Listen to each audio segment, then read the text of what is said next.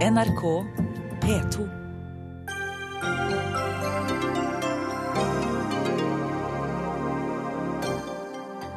Høyre raser nedover på meningsmålingene. Likevel tror ekspertene at Erna blir statsminister. Fleinsopp bør legaliseres, mener norsk forsker. Men Legemiddelverket synes ikke Norge er tjent med at nordmenn flest koser seg med psykedeliske stoffer foran TV-en. Og den nye norsken kommer fra Groruddalen. Det sier forfatter av ny slangordbok.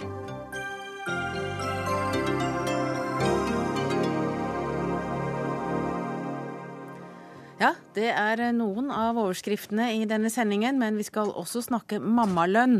Og vi skal krangle om køer i storbyene. Velkommen til Dagsnytt 18 fredag kveld. Jeg heter Hege Holm, og aller først skal vi altså snakke om Høyre og NRKs siste meningsmåling.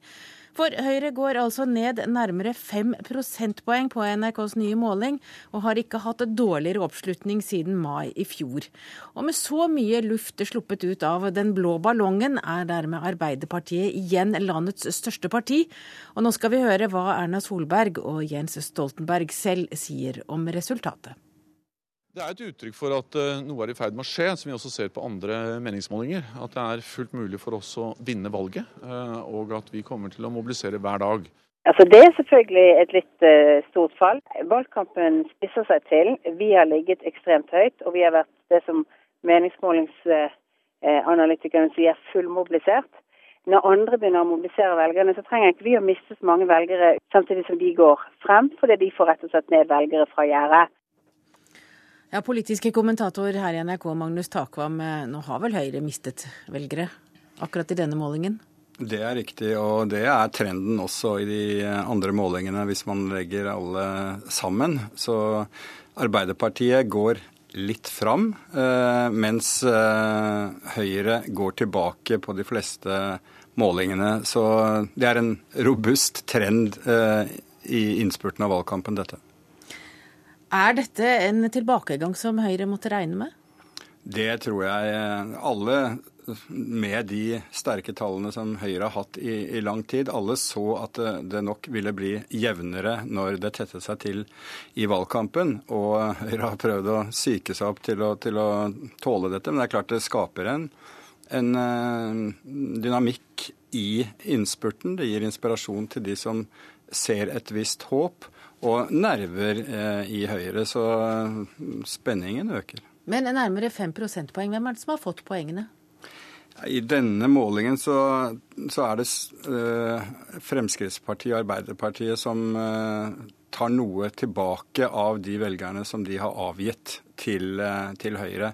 Og det er ikke så mye hjemmesittere som er kommet ned fra gjerdet, f.eks., som, som man kanskje kunne tro. Så for F.eks. For, for Arbeiderpartiets del så, så, har de greid å ta tilbake eh, flere av de velgerne de hadde i 2009, som i mellomtiden har, har, hoppet over til Høyre, men fremdeles ikke de som har eh, gått til gjerdet fra, fra, tidligere. Så det, det, står igjen. Og det er også slik at den eh, oppsiktsvekkende framgangen for Miljøpartiet De Grønne eh, demper eh, den rød-grønne sidens, også Arbeiderpartiets, eh, framgang. Så de, de ligger på 29-30 og har liksom ikke eh, sprengt tak og, og fått et ordentlig gjennombrudd ennå. Ja, Maria Simonsen, du er politisk redaktør i Dagbladet. Det er vel sånne målinger som denne som gjør livet verdt å leve for en politisk redaktør. Men er det et blaff, eller er det en pekepinn på valgresultatet? Eh, det er en eh, klar tendens. Eh, dette er jo det som Dagbladets måling viste sist uke. Akkurat det samme fallet for Høyre. Og at Arbeiderpartiet gikk frem og ble det største partiet for første gang på nesten et år, tror jeg. Og det gjelder de andre målingene nå, hvor, hvor Arbeiderpartiet nå er det største partiet igjen. Og det er jo en litt sånn thriller inni valgkampen. At kampen om å bli det største partiet, det er, det er viktig. Eh, når det gjelder eh, utviklingen for Høyre, så er det jo riktig som, eh, som Erna Solberg sa, at de var, gikk inn i valgkampen ganske fullmobilisert. Og at de dermed måtte regne med et fall. Men det er jo likevel noe som setter partiet på prøve, at man får, kan få litt, få litt, nerver.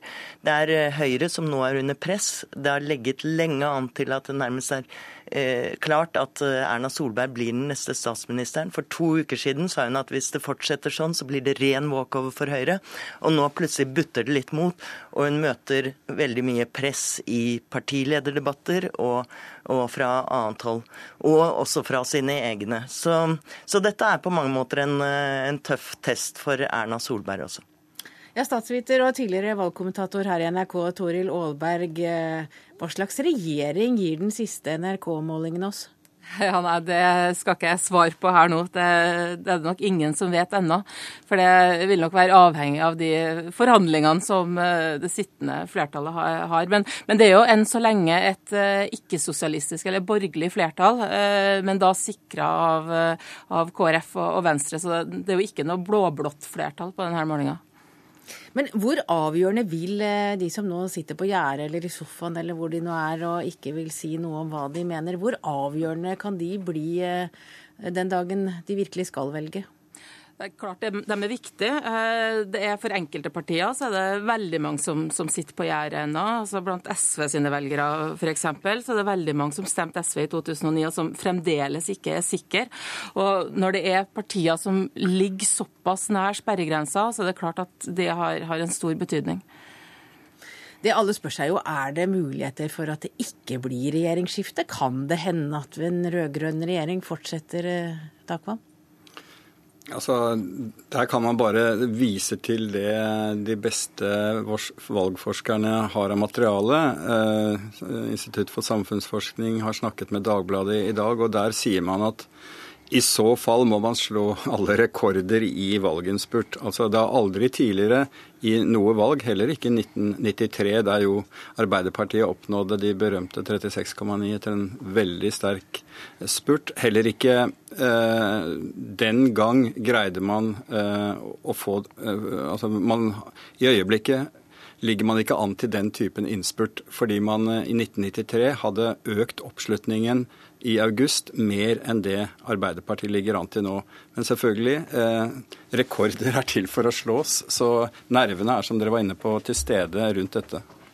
Hva er det som må til Marie Simonsen, for at, det, for at kampen skal snu, altså for at det skal skje noe som skal få et lite jordskjelv? Nei, altså man ser jo Dynamikken i sånn valgkamp er jo at man aldri vet hva som plutselig, plutselig dukker opp. Man fikk den lederdebatten eh, om lederegenskapene til Jens og Erna eh, her i forrige uke f.eks. For Hvordan påvirker det lederne? Og så dukker det opp et nytt tema. Så man vet aldri hva som skjer. Men dette forhåpningsfulle 93 er jo et valg som både er et litt traume for Høyre, fordi at der plutselig gikk proppen ut, mens Gro Harlem Brundtland gikk rett til værs.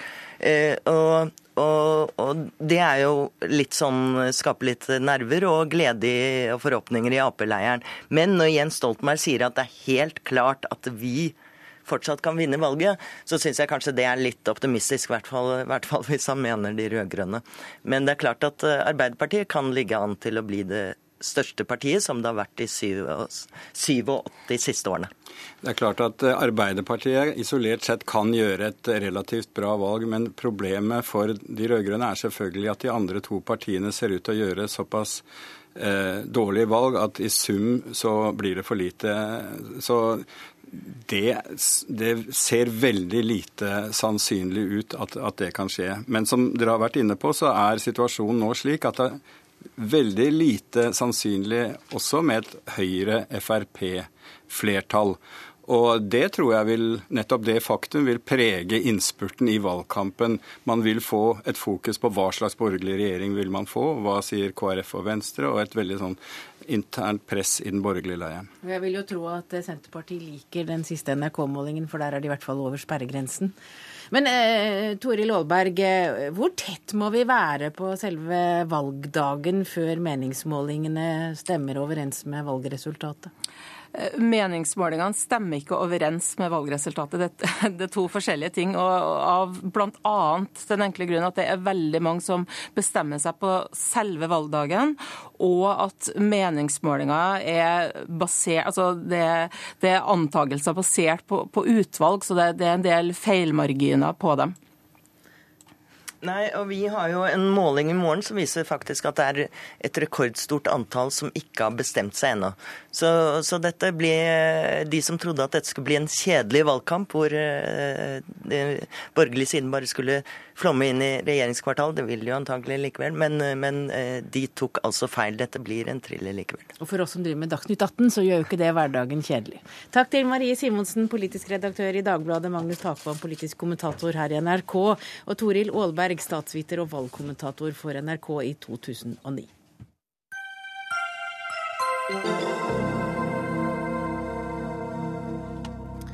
Ja, Da skal vi snakke om noe helt annet, men det handler fortsatt om politikk. For stortingspolitikerne vil ikke love køfrie veier rundt storbyene de neste 20-30 årene. For uansett hva du stemmer, og uansett hvor mye partiene krangler, så er én ting sikkert, som både politikere og eksperter er enige om. Det kommer til å være kø rundt Oslo og de andre storbyene i Norge i all overskuelig framtid. Og miljøvernminister Bård Vegar Solhjell, eh, hvorfor er det slik? Altså, Hvis du vil ha absolutt køfritt 100% av tida, da må du nok til sånn nordkoreanske autostradaer eh, og den kapasiteten. Ellers så vil det bli kork av og til.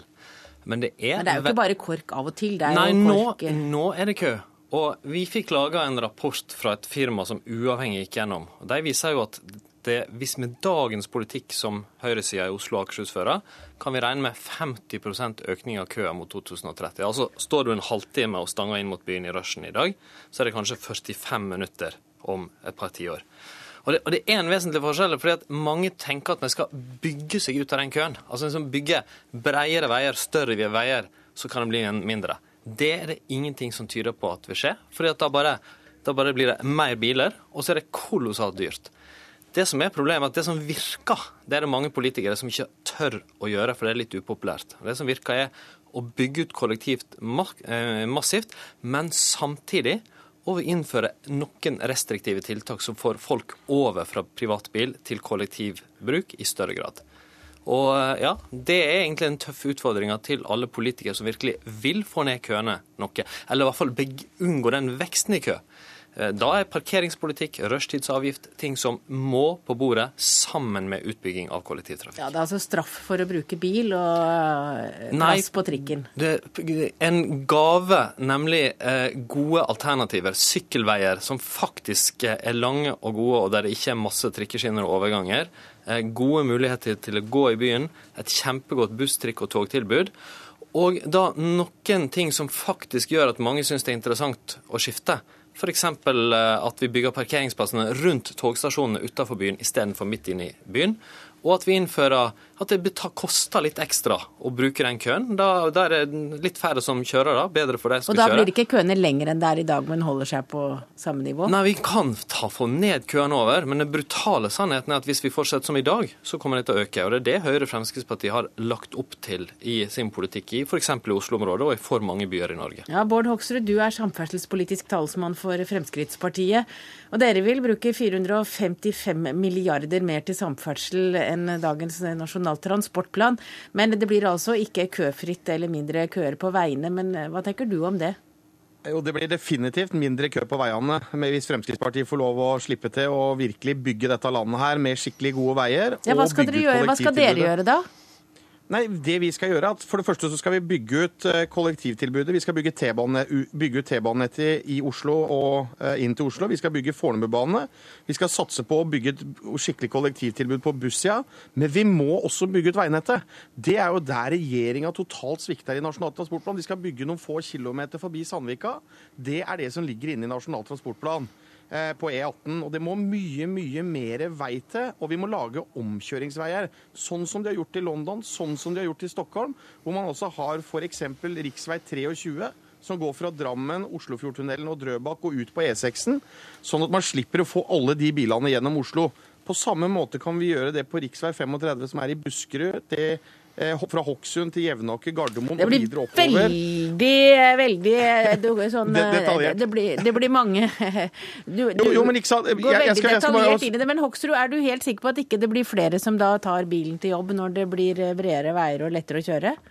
Jo, men Hvis man bygger ut et skikkelig kollektivtilbud uten at man skal gjøre som Bård Vegar Solhjell og SV alltid skal, nemlig straffe, straffe, straffe bilistene Fordi folk kjører ikke bil inn til Oslo fordi de syns det er gøy, de gjør det fordi de er avhengig av bilen. Og Da må vi legge til rette med kollektivtilbudet. Vi burde ta bort at eh, man må betale skatt hvis man får betalt månedskortet på kollektiv. Da vil mange flere gå over. Men å tro at hvis du bare fjerner parkeringsplasser, hvis du innfører rushtidsavgift, så vil færre kjøre bil. Det er ikke sånn, for de kjører bil fordi de er avhengig av bilen. Da hjelper ikke med rushtid og de tiltakene til SV. Det er dårlige tiltak. Så her er vi Men jeg vil gulrot, veldig gjerne ha de med på kollektiv. Gulrot, ja, gulrot, gulrot, sier du? gulrot, gulrot. Altså, jeg, jeg, jeg kjenner ikke til et eneste eksempel på en storby i verden som har klart å bygge vei ut av køproblemene sine, men det fins byer i Europa som har klart å bygge så gode kollektivsystemer at det begrenser biltrafikken å få folk over på det.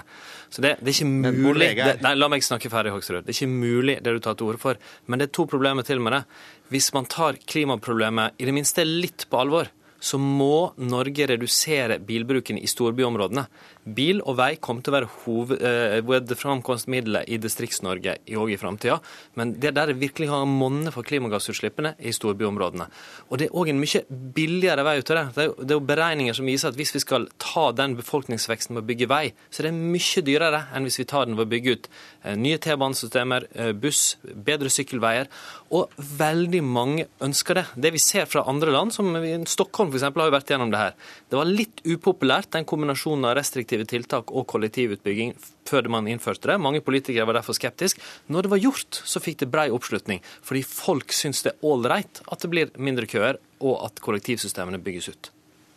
Gid hadde vært så sant det du sier, Bård Vegar Solhjell, men det stemmer jo ikke. For det første så er Oslo er som en bitte liten forstad av Paris. Det er klart at det er fullt mulig å bygge seg ut av problemene vi har i hovedstaden vår hvis man vil. Det handler om politisk vilje til å bevilge penger for å gjøre det. Og så syns jeg det er veldig interessant at du drar fram Stockholm. Hva var det man gjorde i Stockholm før man innførte rushtidsavgift, som er langt lavere enn bompengene inn til Oslo? Jo, først så lagde man et ringveisystem som gjorde at mange av de som før kjørte gjennom Stockholm sentrum, de kjører utenom og betaler ikke noe rushtidsavgift eller noen ting. Og så putta man inn 3 milliarder kroner i kollektivtilbudet for å ruste opp det før man innførte dette her. Så dette det du kommer med og viser til Sverige og andre ting, det er bare tullball. Fordi i Norge så er vi altså sånn at mange som jobber i Oslo, de bor langt på utsida, har et altfor dårlig kollektivtilbud. Der vil Fremskrittspartiet ruste opp kollektivtilbudet, men de er altså avhengig av bilen inntil videre. Og da må vi også ha flere tanker i huet på en gang, ikke som SV bare eh, tenke på at nå skal vi ha kollektiv, og så skal vi straffe bilistene. Bilistene som kjører bil, kjører ikke og står ikke i kø en time fordi de syns det er gøy. De gjør det fordi de er avhengig av bilen. Hoksrud, Ja. det er ikke tullball. Det skjer i byer mange steder i Europa. Det skjer til og med i Trondheim, der det er klart å redusere bilbruken betydelig opp kollektivandelen. Og oppskriften er den samme. Bygge ut, bruke store summer på det. Nå skal regjeringa, vi har varsla 26 milliarder i støtte til storbyene våre for å bygge ut kollektiv, men vil stille krav om at de samtidig må få grep for å få ned bilismen, sånn at du får en reell overgang. Eh, og så er det, Bård Hoksrud, sant? jeg må jo få lov til å spørre deg, har du, har du, liksom, har du ingen idé i det hele tatt om det kan være et poeng i å redusere utslippene fra bilene? Om ikke du tror på klimaproblemet, i hvert fall for å få mindre støy og mindre lokale helseproblemer i byene, er du klar over at det er dager på vinteren i Bergen og Oslo der det er titusenvis av mennesker som har akutte helseproblemer, der man får råd om å holde seg inne. Og så vil du at vi skal bygge oss ut av det og kjøre enda mer bil. Jeg tror de fleste må kunne være i at når det, noe er dyrt, helsefarlig, klimaødeleggende og i tillegg umulig, da er det neppe den rette medisinen. Men det er jo fantastisk å høre på nå, Bård Vegar Solhjell. Det er jo dere som sørger for at bl.a. lokal forurensning har blitt et kjempestort problem Men både i Bergen og Oslo. svar- på, det, Hoksrud? Ja, men- ja, men hør, på det? svare, Syns du det er viktig riktig at vi skal ha mer skal biler inn i byene med konsekvensene det får? Jeg, jeg mener at utgangspunktet vårt er at vi skal jobbe for å få flere over på kollektiv, men vi skal gjøre det med gulrøtter og gulrøtter, og ikke som du, med pisk eh, og straff og straff og straff bilistene. Og så er det altså av den omlegging av avgiftssystemet som dere la opp til, så ble det mer lokal forurensning fordi du skulle redde redde CO2 og redusere CO2, men du økte lokal forurensning. Det er SVs politikk i de store byene, og det er synd. Nei. fordi vi mener Jo, det, og det fins alternativ som du- drivstoff. som du Ekofuel. Ekofuel. Ja, men du vet det, du, Bård Vegar Solhjell. Det stemmer at ekofuel kunne redusert lokale utslipp kraftig, sånn at ikke man hadde behøvd de, de grepa som dere nå prøver dere på. Aksrud, som du vet, så har vi de siste årene hatt en politikk der vi både får eh, folk opp på, eller der det blir billigere å kjøpe miljøvennlige biler, både i forhold til lokale utslipp og i forhold til CO2.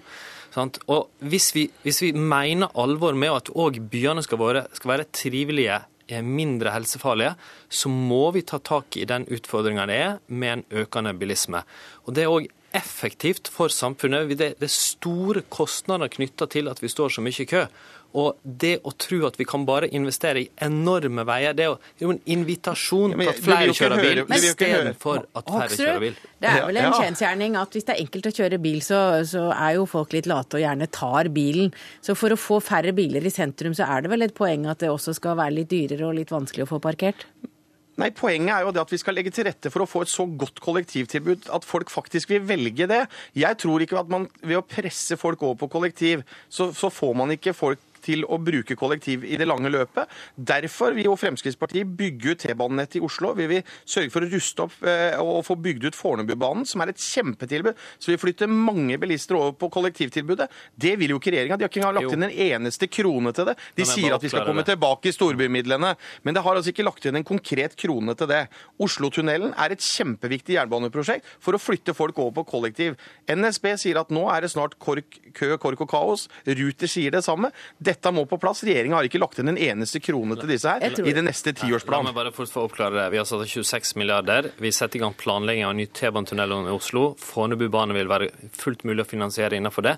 Men nå må Oslo og Akershus prioritere det, sette i gang planlegginga. Det vil være kjempebra tiltak, men man må gjøre det sammen med ting som faktisk får overgang fra bilisme til kollektiv. Ellers så bruker man bare på penger på begge deler uten en virkelig effekt. Jeg, Men jeg skjønner, jeg skjønner jo at dere har det samme målet, men dere har utrolig forskjellig svar på hva som skal til. Du trygt si. Så det, her får vel valget avgjøre, sier jeg takk til eh, begge to. Bård Vegar Solhjell, miljøvernminister fra SV, og i studio, studio i Harstad satt Bård Hoksrud, samferdselspolitisk talsmann for Fremskrittspartiet.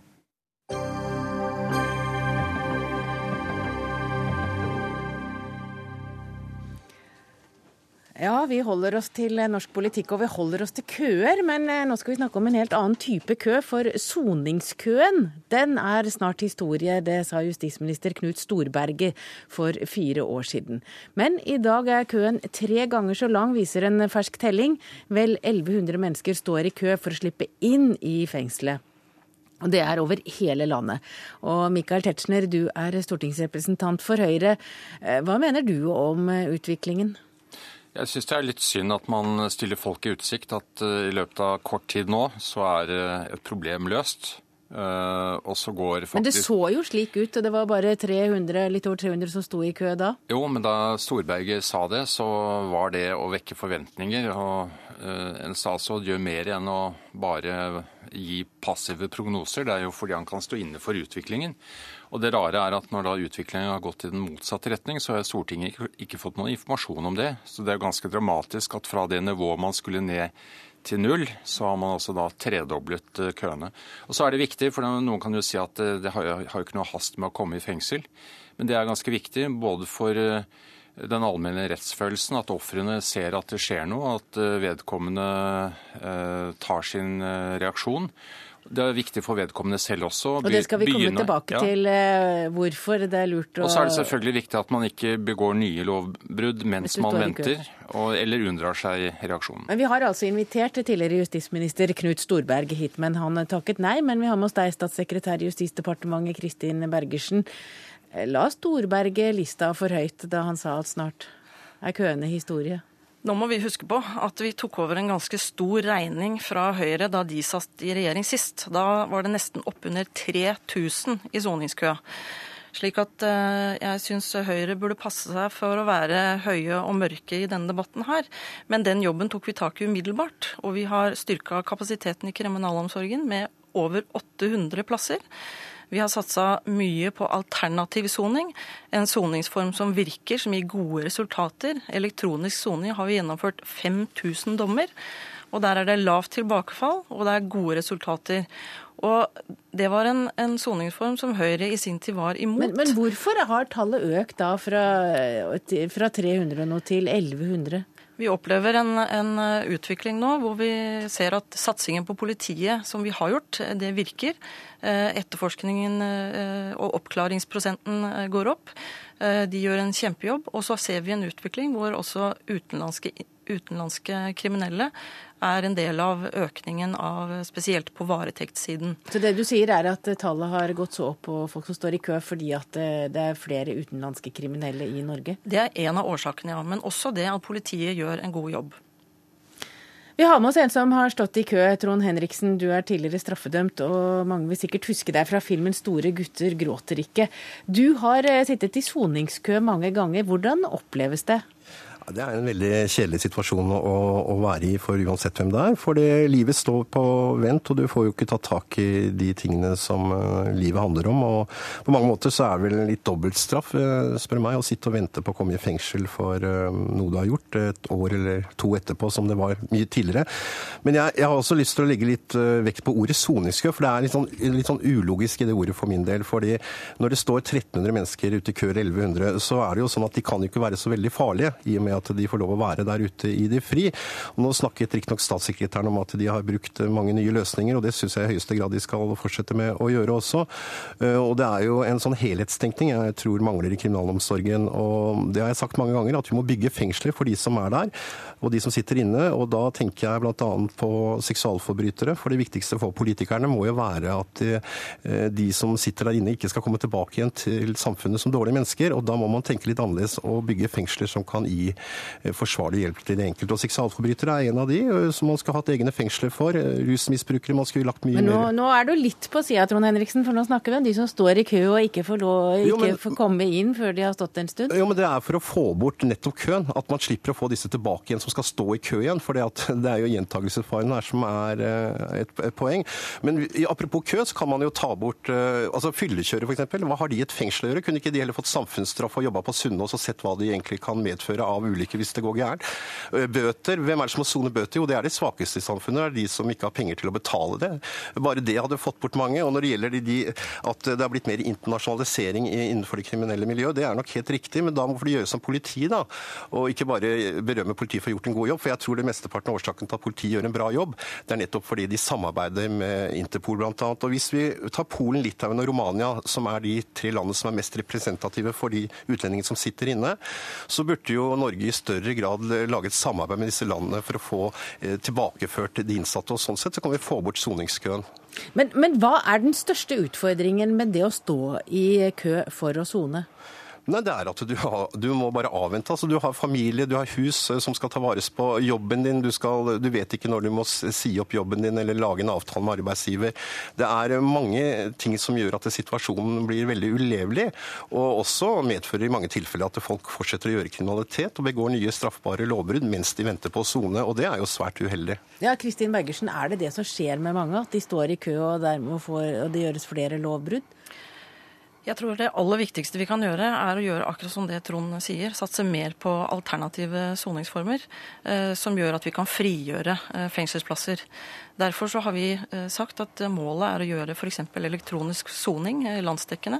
Da kan du sone mens du er hjemme, hvis du har barn som du må ta vare på, hvis du har en jobb, hvis du går på skole. Så kan du ivareta dine forpliktelser, selv om du da sitter og soner straffen din under et strengt regime. Og det virker. Derfor vil vi bruke mer av den type soningsformer for å frigjøre flere fengselsplasser for de som da har behov for det. Ja, nå må du ta litt her. For det første kritikken eh, mot hva man arvet av køer. Dette er åtte år siden. For fire år siden så sa man at køene nå var borte hvert øyeblikk. Og så har altså, uten at Stortinget er varslet, så har man altså da bare sett passivt på at køene er tredoblet.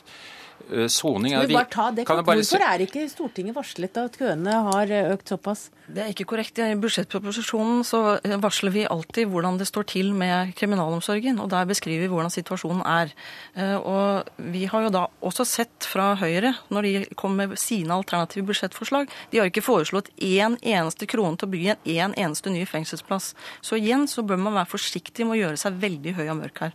Ja, Da kan du fortsette, Tetzschner. Ja, det er jo fordi eh, den politiske ledelsen har avgitt erklæringer om at nå er problemet i ferd med å bli løst. og Dessuten er det ikke riktig at eh, de opplysningene man får fra dere er korrekte. Blant annet så har dere Jeg har vært inne i dag for dere bortforklarer en del eh, av dette med at politiet oppklarer så veldig mye mer enn før. De gjør det overhodet ikke. Eh, Det har til og med vært en, en eh, utstrakt praksis at man har registrert samme forbrytelse i tre kolonner for å da få en høyere eh, oppklaringsprosent, fordi da ser det ut som det er tre forbrytelser, tre forhold som er oppklart. Og dette har vært omtalt i pressen tidligere år. Eh, eh, oppklaringsprosenten som eh, din sjef, justisministeren, har sagt man skal ha for landet, den er slik at man godtar at nesten to av tre lovbrudd forblir uoppklart. I Oslo er man fornøyd med at tre av fire lovbrudd forblir uoppklart. Og hvis vi fjerner de småfiskene som er knyttet til narkotika, så er det bare 15 av, lov, av eh, lovovertredelsene i Oslo som oppklares. Så det kan umulig være oppklaringsprosenten som skaper disse køene. Men det er et annet felt hvor vi har Ja, vært hva mener du at det er, da? det er jo bl.a. at man ikke kontrollerer eh, nok eh, det som kommer i kjølvannet av organisert kriminalitet i forbindelse med tigging, hvor Arbeiderpartiet ikke interesserer seg for de, for de nettverkene på transportsiden og organiseringssiden som da kan bruke tigging som et legalt ansikt, mens i virkeligheten eh, har med seg i kjølvannet andre som driver tyngre kriminalitet. Og Dette er rapporter fra politidistriktene selv som har vært, eh, som har vært berørt av, av tigging. Så mitt forslag nå kan vi ikke prøve å ha et to års prøveprosjekt med forbud mot tigging, og ikke se om vi kan få ned en del av den innreiste kriminaliteten, i tillegg til at vi også må bygge flere plasser. Høyre vil foreslå at vi bruker botsfengselets kapasitet til varetektsplasser, hvis det er det som er eh, nåløyet og flaskehalsen. Og- Ja, her var det mange ting på Ja. en gang, Kristi Bergersen. Her var det ja, både det- tiggeforbud og botsen. Ja, det må jeg si. For det, det å innføre tiggeforbud, det vil jo da bare skape ytterligere press på flere fengselsplasser.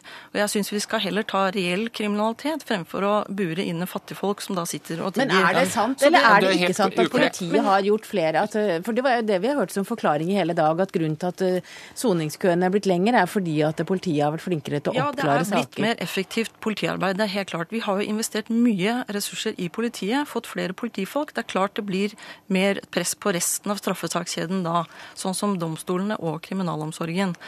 Og, og det er sånn at eh, En soningskø vil vi for så vidt alltid ha. Den vil aldri være borte. Vi kan ikke ha til enhver tid 1000 ledige fengselsplasser. Det vil være samfunnsøkonomisk helt ulønnsomt. og Det tror jeg også Høyre vil være enig i. Men vi Men ønsker hvorfor selvfølgelig garanterer dere at de er borte da, hvis du alltid sier at vi skal ha kø?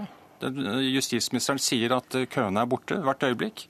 Og Dessuten så er det jo ikke snakk om å bruke fengsel overfor tiggerne, men tigging blir i seg selv et legalt innreisegrunnlag. Man kan ikke gripe inn overfor folk som passerer grensen fordi de oppgir at de skal tigge, fordi det rett og slett er lov. Men jeg tror at forbud mot tigging det er et, feilspor i forhold til å lette presset på kapasiteten i kriminalomsorgen. Ja, men Din egne Hvis vi skal- hvis vi skal gjøre noe der, sier må at vi dette har satse- en sammenheng, og at eh, delvis Hvis vi så skal brukes gjøre noe med utbytte fra så må vi tigging til å satse finansiere kriminalitet. tigging har vært et tema, det er ikke det som er temaet her. Nei, det er det uh, ikke. Ja, men Man kan ikke bare si at her godtar vi at det reiser inn mange ukontrollert, som kan altså vise til tigging som et lovlig oppholdsgrunnlag, og samtidig se bort fra at mye av dette da også finansierer kriminell virksomhet utover tiggingen Jeg er litt overrasket over Og at Høyre vil innføre grensekontroll igjen. Men, nei, men er poenget er at vi må gjøre mer i forhold til soningskøen. Vi må satse mer på alternative reaksjonsformer. Gjøre som Trond sa her i stad. Bruke andre måter å straffegjennomføring på, sånn at vi kan frigjøre flere fengselsplasser. Det er måten å gjøre det på, og ikke innføre nye straffebud og nye forbud som det Høyre går inn for her. Om det er fengselsplass man trenger. hva tror du er det viktigste virkemidlet? Det er å avspore debatten litt og drive og snakke om tigging her. for Pga. soningskø skyldes også at det er veldig lange dommer i fengselet. Og det har veldig mye med den internasjonaliseringen å gjøre, og store narkotikasaker som medfører veldig lange dommer. Og jeg tror at kriminalomsorgen har litt å lære av politiet, hvis jeg skal få lov å, å, si det. Og det er å titte til utlandet og få da samarbeid med Polen, Litauen og Romania. Hvorfor skal ikke disse landene her ta, og, ta imot sine egne kriminelle og få en god avtale med de til å føre de tilbake? De har lange dommer, og de kan sone den straffa som de har fått i Norge. Ellers så syns jeg at vi må satse enda mer på, på hjemmesoning og, og, og, heller definere frihetsbegrepet litt i den grad. For du har mista friheten din tross alt, selv om du går med en brikke på beinet, for du får ikke gjort eh, akkurat det du vil. Og det tror jeg er en billig eh, måte å, å, å rett og slett få folk til å gjøre noe med livet sitt, istedenfor å, å bygge svære murer. Jeg tipper bare murene rundt Halden og Trondheim fengsel er nok til å bygge to-tre lavrisikofengsler og massevis av plasser. Nå sitter Kristin Bergersen, eh, statssekretær i Justisdepartementet, og nikker her. Ja, Hva er det du er så enig i, Bergersen? Jo, for det han nevner en, ting som er veldig viktig, det å ha samarbeidsavtale med andre land. Vi har soningsoverføringsavtale med Litauen og Romania. Eh, og vi jobber også overfor andre land for å, for å sikre oss eh, soningsoverføringsavtaler. For vi er helt enig at utenlandske innsatte de bør sone i sine hjemland. Så vi har også oppretta et, eh, et, fengsel for utenlandske innsatte, nettopp for å sørge for mer effektiv overføring av de som da skal til sine hjemland. Og det er et, av, et viktig tiltak. Og hvis Høyre kommer i regjering, så vil køene forsvinne? De to fengselsavdelingene er en, er en begynnelse, men det er jo ikke svaret på dette. Og fremfor alt så forklarer det jo ikke den det løftebruddet man ga, som Storberget, som riktignok er ute av eh, Justisdepartementet nå, men eh, han la etter seg løfter som ikke ble oppfylt, og det er dessverre med på å senke vanlige menneskers eh, eh, syn på politikk. At man gir slike løfter, og så blir de ikke oppfylt. Takk til deg, Michael Tetzschner, stortingsrepresentant for Høyre. Også takk til deg, Kristin Bergersen, statssekretær i Justisdepartementet, og Trond Henriksen fra Fredrikstad. Hør Dagsnytt 18 når du vil, på nettradio eller som podkast. nrk.no – dagsnytt 18.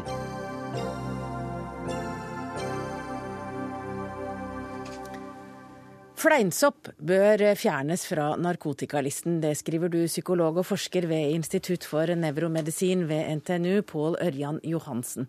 Det sto altså i VG onsdag.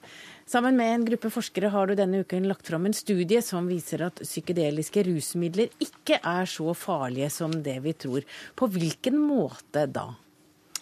Eh, vi vet jo fra før at eh, psykedeliske stoffer ikke påvirker vitale funksjoner eh, i svært liten grad, og at det er kroppslig og ikke skader hjernen og er kroppslig ufarlig. Det finnes så å si ikke overdosedødsfall. Uh, ulykker og irrasjonelle handlinger knytta til bruk av psykedelika er også ekstremt sjeldne, ifølge altså rusopplysning fra WHO, EU, myndighetene i EU og eh, myndighetene i Storbritannia og USA. Uh, det vårt studie har sett på, det er 130 000 eh, mennesker. Blant dem 22 000 har brukt et psykedelisk stoff. Og vi finner ingen sammenheng med psykiske lidelser. Så, så, og det er for så vidt ikke noe nytt. Altså Det stemmer også med tidligere dokumentasjon. Ja, men Hvorfor står disse psykedeliske stoffene da på eh, narkotikalisten? Vi har med oss medisinsk fagdirektør i Legemiddelverket, Steinar Madsen, når det er så ufarlig? Ja, Det er vel ikke så ufarlig. og Disse stoffene har jo en gammel historie. De ble satt på narkotikalisten, internasjonal narkotikalisten på 70-tallet og har blitt stående der siden. og Det bygger på forskjellige forutsetninger, bl.a. at de kanskje ikke har noen medisinsk bruk. Det har vært gjort relativt lite forskning på disse, og en redsel for at det skal kunne gi alvorlige bivirkninger. Vi er nemlig føre var, og det er et veldig viktig prinsipp for legemiddelmyndighetene og narkotikamyndighetene at vi er føre var. Men det er vel ikke noe, det er vel ikke noe vits i å forby ting som ikke er farlig? Jo, det er bedre å forby dem først, og så etter hvert slippe opp hvis vi får god vitenskapelig dokumentasjon for at de har nytte og ikke gjør skade. Men kan det som er kommet fram nå eh, få dere til å revurdere? Ja, Det er ikke bare vi som kan revurdere dette. Denne narkotikalisten er internasjonal. Da må det bli en internasjonal enighet om at det skal fjernes fra narkotikalisten. Men det at de står på narkotikalisten er jo ikke ensbetydende med at man ikke kan bruke det i medisinsk behandling. Det kan man. Men vi skal selvfølgelig være forsiktige. Ja, uh, først uh, Det at uh, fleinsopp kan fjernes fra narkotikalisten, ikke kan fjernes fra narkotikalisten, det er feil. det er ingenting i veien for å fjerne uh, fleinsopp fra narkotikalisten pga. kommentarene til, som var forarbeidet til psykotropikonvensjonen i 1971. Så står det klart og tydelig at plantebasert psykedelika ikke om, er omfatta av, av, konvensjonen. det også må merkes at det er flere hundre tusen indianere i USA som har beskyttelse av menneskerettigheter for bruk av psykedeliske stoffer. De har blitt undersøkt grundig, og det er folk som har brukt psykedelika hundrevis av ganger. I et studie så var det godt over 300 ganger de hadde brukt psykedelisk stoff. Man fant ingen sammenheng mellom altså Man så egentlig noen positive tendenser i retning av at det var positivt for mental helse også der. Eh, og man gjorde også gjerne altså, eh, skanning av nevropsykologiske undersøkelser, og man fant ikke noe, noe, noe, noe eh, problematikk. Altså, Men Pål Ørjan Johansen, det er de færreste av oss som har gjort annet enn å høre om fleinsopp. Hvordan virker det? Uh, uh, altså Eh, fleinsopp eh, det som eh, i, Nå er det gjort åtte, åtte randomiserte kontrollerte studier i nyere tid, altså ved, bl.a. ved John Hopkins University. Det veldig mange av forsøkspersonene der rapporterer, det er det samme som også har blitt rapportert tidligere, at det gir åndelige opplevelser. Det må du beskrive. Eh, en, en, at folk oppgir å, å, føle at de kommer nærmere naturen, nærmere seg selv. At de får økt selvforståelse. Og, og, og, det er litt også en veldig personlig erfaring, sånn som det beskrives, som er vanskelig å sette ord på. Hvor lenge varer det? Eh, for psilocybin så varer det fra fire til seks timer. Og det er etter at du har spist en sopp som du kan finne i skogen overalt? Eh, det finnes eh, stort sett i, i hele den eh, Ja, ja, i, i Nord-Europa og, og, og, Amerika, ja. Mm. Men hvorfor mener du at det er viktig at folk skal få lov til å Eller at det ikke skal være forbudt å bruke Det er jo åpenbart et stoff som setter deg i en form for rus? Uh, nå, nå, er det sånn at uh, Mitt utgangspunkt her var, uh, har vært uh, behandlingsutvikling, altså behandlingsforskning, altså medisinsk behandlingsforskning. og så har jeg da kommet over at som jeg hadde finansiering fra Norges forskningsråd for å gjøre, og reiste til Harvard University og gjorde forskning på det her.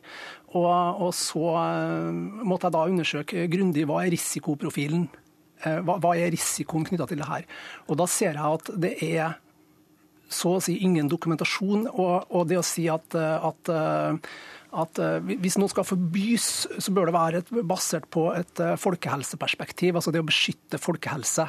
Men du mener at det er, det er ikke noe avhengig? Du en blir ikke avhengig av Nei, altså man får, at hvis opplevelsen nei, er veldig nei. god, så vil en jo gjerne gjenta det ja, så ofte man får ingen, altså Gjennomsnittlig bruk er et par ganger i året. Man får ikke en ape, en rotte eller et menneske til å selvadministrere det her over tid. Gjennomsnittlig bruk én til to ganger i året. Og i religiøse seremonier og kulturer som har brukt det her i tusenvis av år, så ser man heller ikke avhengighet. Tvert imot så ser man mindre avhengighet av, av alkohol, og det er det som rapporteres Eh, at man ser mindre. Så, så, det at man blir avhengig av, av de klassiske psykedeliske stoffene, det er rett og slett basert, det er en misforståelse basert på mangelfull informasjon. Hva er det som da kan være farlig, Madsen? Det viktigste er jo at vi skal ha en restriktiv holdning til rus generelt. Vi ønsker ikke mye rus i det norske samfunnet, og vi er heldige i Norge ved at vi har relativt lite rus. Vi har relativt lav alkoholbruk, relativt liten bruk av narkotika, og før vi slipper opp bruken av rusmidler, så skal vi være veldig sikre på hva vi gjør.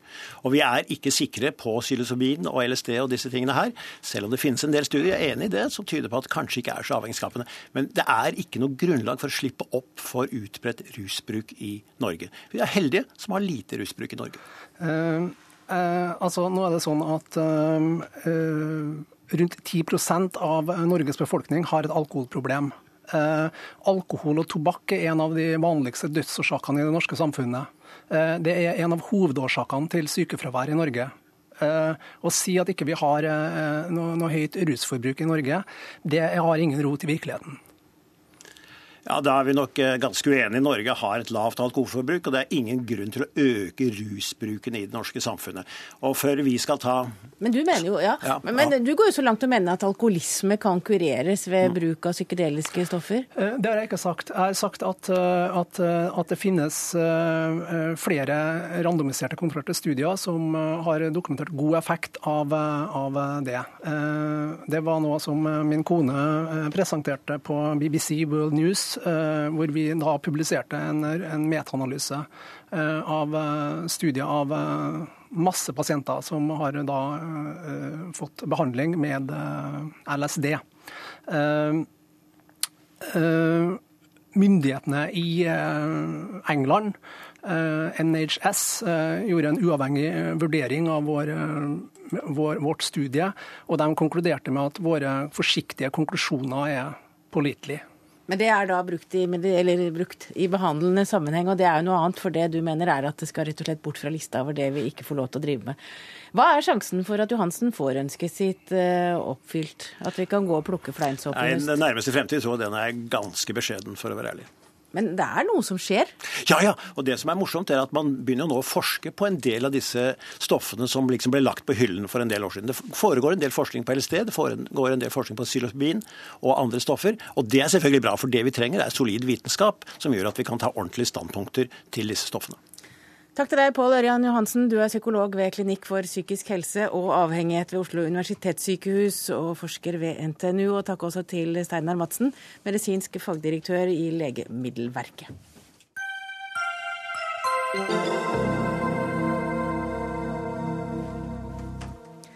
Bør staten innføre mammalønn for foreldre som er hjemme med barna? Ja, mener morsrolleorganisasjonen Tid for barn. De vil fjerne pappapermisjonen og samle alle statlige støtteordninger i én pott, og heller gi 262 000 kroner i året i mammalønn til foreldre som er hjemme fram til barna er to år. Og Lise Christensen, du er talsperson for Tid for barn. Hvilke positive effekter mener dere at en mammalønn eller en slik foreldrelønn vil få? Det som er tanken bak å lansere eller belyse dette forslaget, det er jo at for det første, i Norge i dag så øker gjennomsnittsalderen for førstegangsfødende. Og foreldrepengeperioden, som er en rettighet til mødre og fedre som har vært i arbeid når, i forbindelse med fødsel, de vil få foreldrepengeperiode. Men så er det de som faller utenfor denne ordningen. De har per dags dato muligheten til å søke om engangsstønad på ca. 35 000 kroner. Dette må gjøres seks måneder innen fødsel. Så er det et stort hopp helt fram til det er mulig å motta kontantstøtte når barnet er 13 måneder. Fra 13 måneder og fram til barnet er 18 måneder, så er det muligheter til å få 5000 per måned i kontantstøtte. Og fra 18 måneder til 24 måneder så er det mulighet til å få 3200 kroner per måned. Og så har dere lagt, alle, uh, lagt sammen alle summene, og så får dere 262 000. Ja, vi gjør det. Og 262 000 det er et eksempel på en mammalønn. Det er det samme som en barnehageassistent i en barnehage får med null år i ansiennitet og ingen utdannelse. Så det kan jo være sammenlignbart som sådan.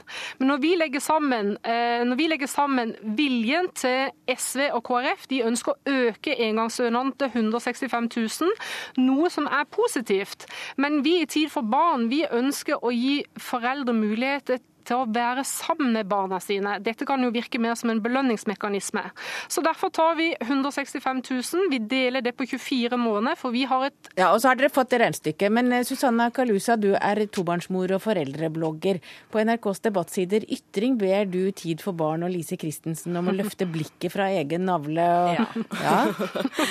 Jeg tenker at som småbarnsmor så må det noen ganger være lov å stikke fingeren i jorda og se at alt som gagner meg, ikke nødvendigvis gagner samfunnet som helhet. Og Dette syns jeg jo er et eksempel på et eh, forslag som ville vært digg for meg, for jeg ville jo fått nesten en million, jeg som har barn på tre og seks år. Eh, ja, det stemmer mens, jo ikke. Nei, mens, da regner du litt dårlig. Men du hvis jeg skulle vært hjemme eh, først tre år med mitt første barn, og så tre år med mitt andre barn, ja, så, ville det, så, ville det, blitt veldig mye penger. Nei, og uansett så er 262 000 i årslønn. Det er så mye penger at det ikke ville lønne seg for ganske mange folk å jobbe. Hvis du jobber i helse- og sosialsektoren, så er det mer enn de får nettet utbetalt. Hvem er det da som skal pleie våre demente? Hvem er det da som skal ja, passe, våre, passe, våre, syke? Så vil jeg også presisere at eh, Barnehageansatte de får den lønna for å passe tre barn av gangen. Her skal vi altså betale folk for å passe sine egne barn. Friske voksne skal få betalt for å passe sine egne friske Ja, barn. må- det syns jeg er helt feil her- prioritering av fellesskapskassa. Skal du la Lise få svare? Ja. Lise Christensen, ja. Ja, her må det oppklares med stor O, altså. Susanne Kalusa, du har to barn og du sier over en million. Eh, Jeg skjønner ikke hvordan du kan få det til å stemme. Det er bare å gange 292 000 med seks år. Med seks år? Ja, men kjære vene, jeg snakker om i barnets to første leveår. Eh, I barnets to første leveår. Ja, jeg, jeg som har to barn, da, det blir 300 000 ganger to er 600 000. Ganger to år, det er 1,2 millioner, det, Lise. Det er i hvert fall det samme som en barnehage. Mitt utgangspunkt er som sagt det er, Jeg må forklare dette regnestykket her, for ellers så vil det ikke bli eh, forståelig for folk Forklar flest. gjerne. Ja.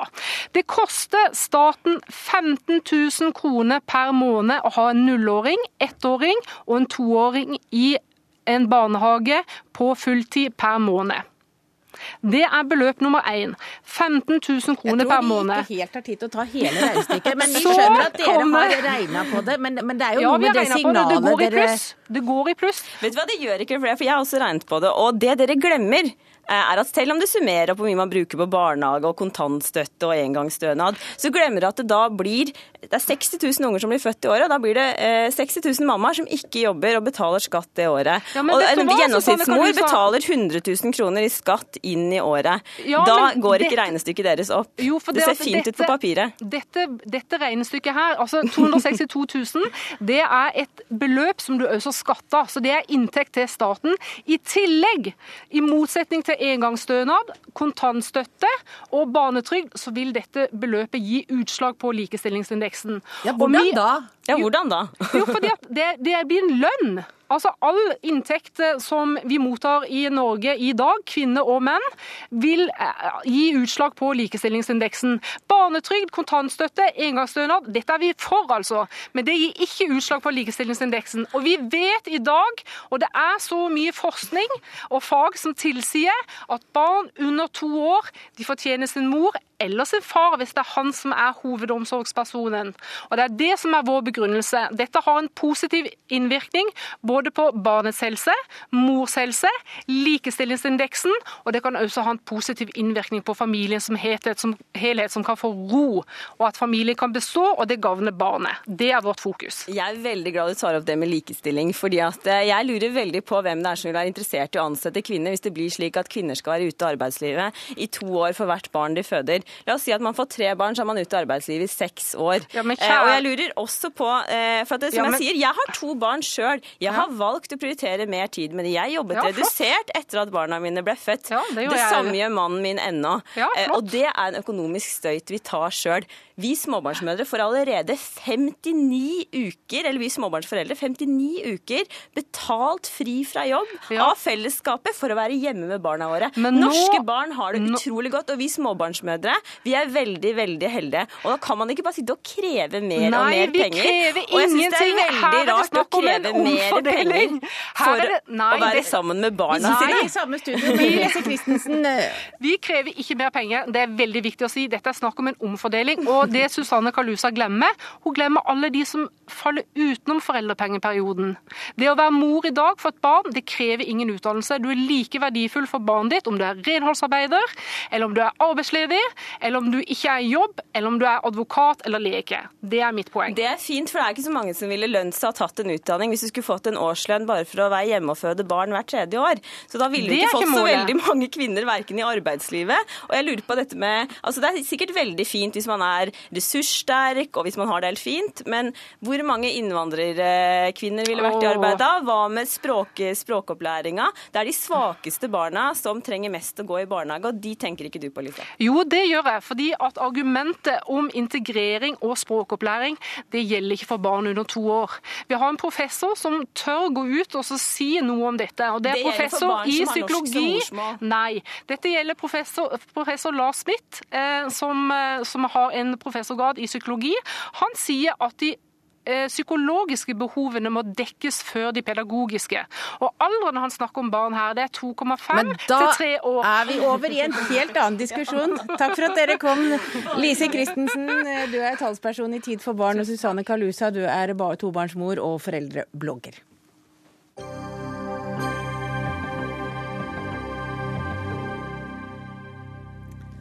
Hvis dere ikke visste det, så er det slik at fornyingen av norsk det skjer på Oslos østkant. Nærmere sett geografisk så skjer det i Groruddalen. Somali, urdu, berbisk, arabisk, amerikansk, SMS-språk, norsk slang, det blandes sammen i et ungdomsspråk som foreldrene ikke forstår, men etter hvert så blir det en del av det norske språket. Det mener du, Guled Abdi. Du forteller det i boka du har skrevet som heter Den nye norsken. Og nå må du forklare, hvordan blir altså ungdomsslange Groruddalen eh, til ny norsk? Nei, det, det, er vel fordi det sprer seg eh, ganske fort. Det er eh, ungdommer som tar det videre. Foreldre hører f.eks. Eldre generasjon hører. Hører eh, f.eks. ordene som blir brukt. da. Og sånn sprer det seg videre og videre.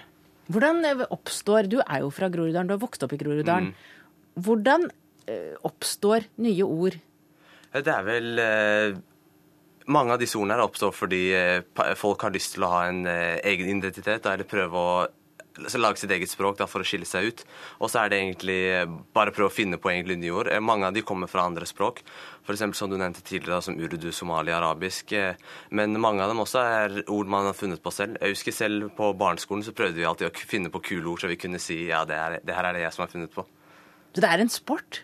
Ja, det er nesten det. Men du mener at det er jo altså en sport som blir til noe mye mer? Mm. Ja, det er eh, det starter i det små, og så sprer det seg videre sånn. Det er en person som får høre det av en venn som går på en annen skole, som begynner på videregående og møter folk fra mange forskjellige steder i Oslo. Som igjen går, begynner på universitet og møter folk fra hele landet. Så sprer det seg videre sånn. Men har du et eksempel eller flere på ord som har spredd seg, som du, som du vet kommer fra slangen der du har vokst opp? Eh, for eksempel eh, et ord, eh, eller kino, da. Ordet kino pleide vi å bruke for hvis det var noen som sloss eller et eller annet som eh, noe, Noen som lagde scene, da, så pleide alle å rope 'kino, kino, kino'. Og det husker jeg veldig godt spredde seg, eh, det spredde seg i vårt miljø, og nå vet jeg det, det ordet blir Eller i den sammenhengen blir det brukt på flere skoler, og, og det sprer seg videre sånn. Og hva betyr det? Eh, det betyr vel eh, at det blir som underholdning, da, så man roper nesten 'kino, kino'. fordi altså, der, det er kino, er det. bare ja. at eh, du filmer, på en måte? Ja at, ja at, du sitter og ser på, så det blir som en gratisfilm. Men du har altså laget en ordbok med 196 eh, ord. Mm. Som du, som du, forklarer. Du forklarer hvor det kommer fra, du forklarer hvor det betyr. Mm. Hva det betyr. Har du noen ord for oss som du kan lære på tampen, lære lytterne på tampen ja, det... av en fredagssending? Ja, det har jeg. Eh, det er mange forskjellige ord. F.eks. For fra kebab, norsk, norsk ord, det er amerikanske ord og internett. Eh, et par norske ord da, som er ganske morsomme, er f.eks. tett. Som brukes i sammenheng at du ser at du har trent veldig mye, så du ser veldig muskuløs ut. Og det kommer vel fra at huden sitter tett på musklene, så man ser veldig sterk ut. Er det sånn at jeg går da bort til deg og sier ah, du ser tett ut? Ja, du har blitt tett. altså. Har, du, har, du, trent mye i det siste, så det er, det er ett ord. Et annet ord, for eksempel eh, hooke, som betyr å Det kommer fra engelsk ordet 'hook', som er å eh, skaffe eller fange.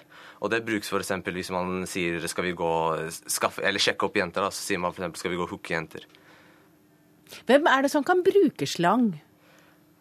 Det er eh, Mange av ordene er Eller det er veldig stor variasjon. F.eks. ordene i boken. da, er, eh, Det varierer jo fra ord som eh, f.eks. tett, da, eller som jeg kan se for meg litt eldre mennesker kan bruke, fordi det er, eh, det er, et, det er et, norsk ord. Men uh, f.eks. Uh, andre slangord, da, som uh, baors, eller som, mye, som stammer fra kebabnorsk, uh, er ord som folk på min alder og 19 år eller yngre kan, som oftest bruker. Men Hvis jeg kommer da til der du bor og møter deg sammen med vennene dine, og så, jeg, så har jeg lest boka godt, ja. sånn at jeg har lært meg noen fine vendinger, mm. og så slenger jeg det ut, vil de bare liksom ja, det, jeg tror Da hadde du bare blitt ledd. Altså. Ja, det går ikke. Nei. Men kan jenter og gutter altså Er det liksom noen kjønnsinndelinger her i slangverden? Nei, egentlig ikke. Det her er universalt for gutter og jenter. Er det forskjell på øst og vest? Ja. Eh, for eksempel eh, ord som keg, som betyr eh, kul. Det blir mye brukt på Oslo vest. Men, og det eh, kommer ikke fra din gjeng? Nei, det kommer ikke. Det, det stammer fra Oslo vest. Og det er det ikke så mange på eh, østkanten som bruker, da. Men eh, nå er vår sending snart slutt. Mm. Og da, hvis jeg sier da får du bare gli ut på byen, håper jeg ikke har vært et asshole i dette intervjuet. Hva sier du? da sier jeg det har du ikke. Det var veldig hyggelig. ja, for da, hvis jeg hadde vært et asshole, så hadde jeg vært Teit? Ja, ja, det har vært ganske teit. Bare spurt spørsmål på nytt og på nytt og ikke fått med svaret. Ikke hørt hva du sier. Men, men du, du, mener at dette her er noe som vi alle kommer til å bruke etter hvert? Ja, for, eh, for eksempel ordet kul. Eh, det lærte jeg for ikke så lenge siden faktisk, at det var et slangord. Eh, som har spredt seg videre og nå har blitt en del av norsken til mange. Så vi får se om du får rett. Yes. Gratulerer i hvert fall med bok. Tusen takk. Du er født i 1994, så du er en ung mann og kan skrive mange flere bøker yes. om språk. Til daglig lager du apper, men uh, vår sending her fra Dagsnytt 18 den er slutt. Ansvarlig var Dag Dørum, teknisk ansvarlig var Lisbeth Sellereite. Jeg heter Hege Holm, og vi høres igjen mandag.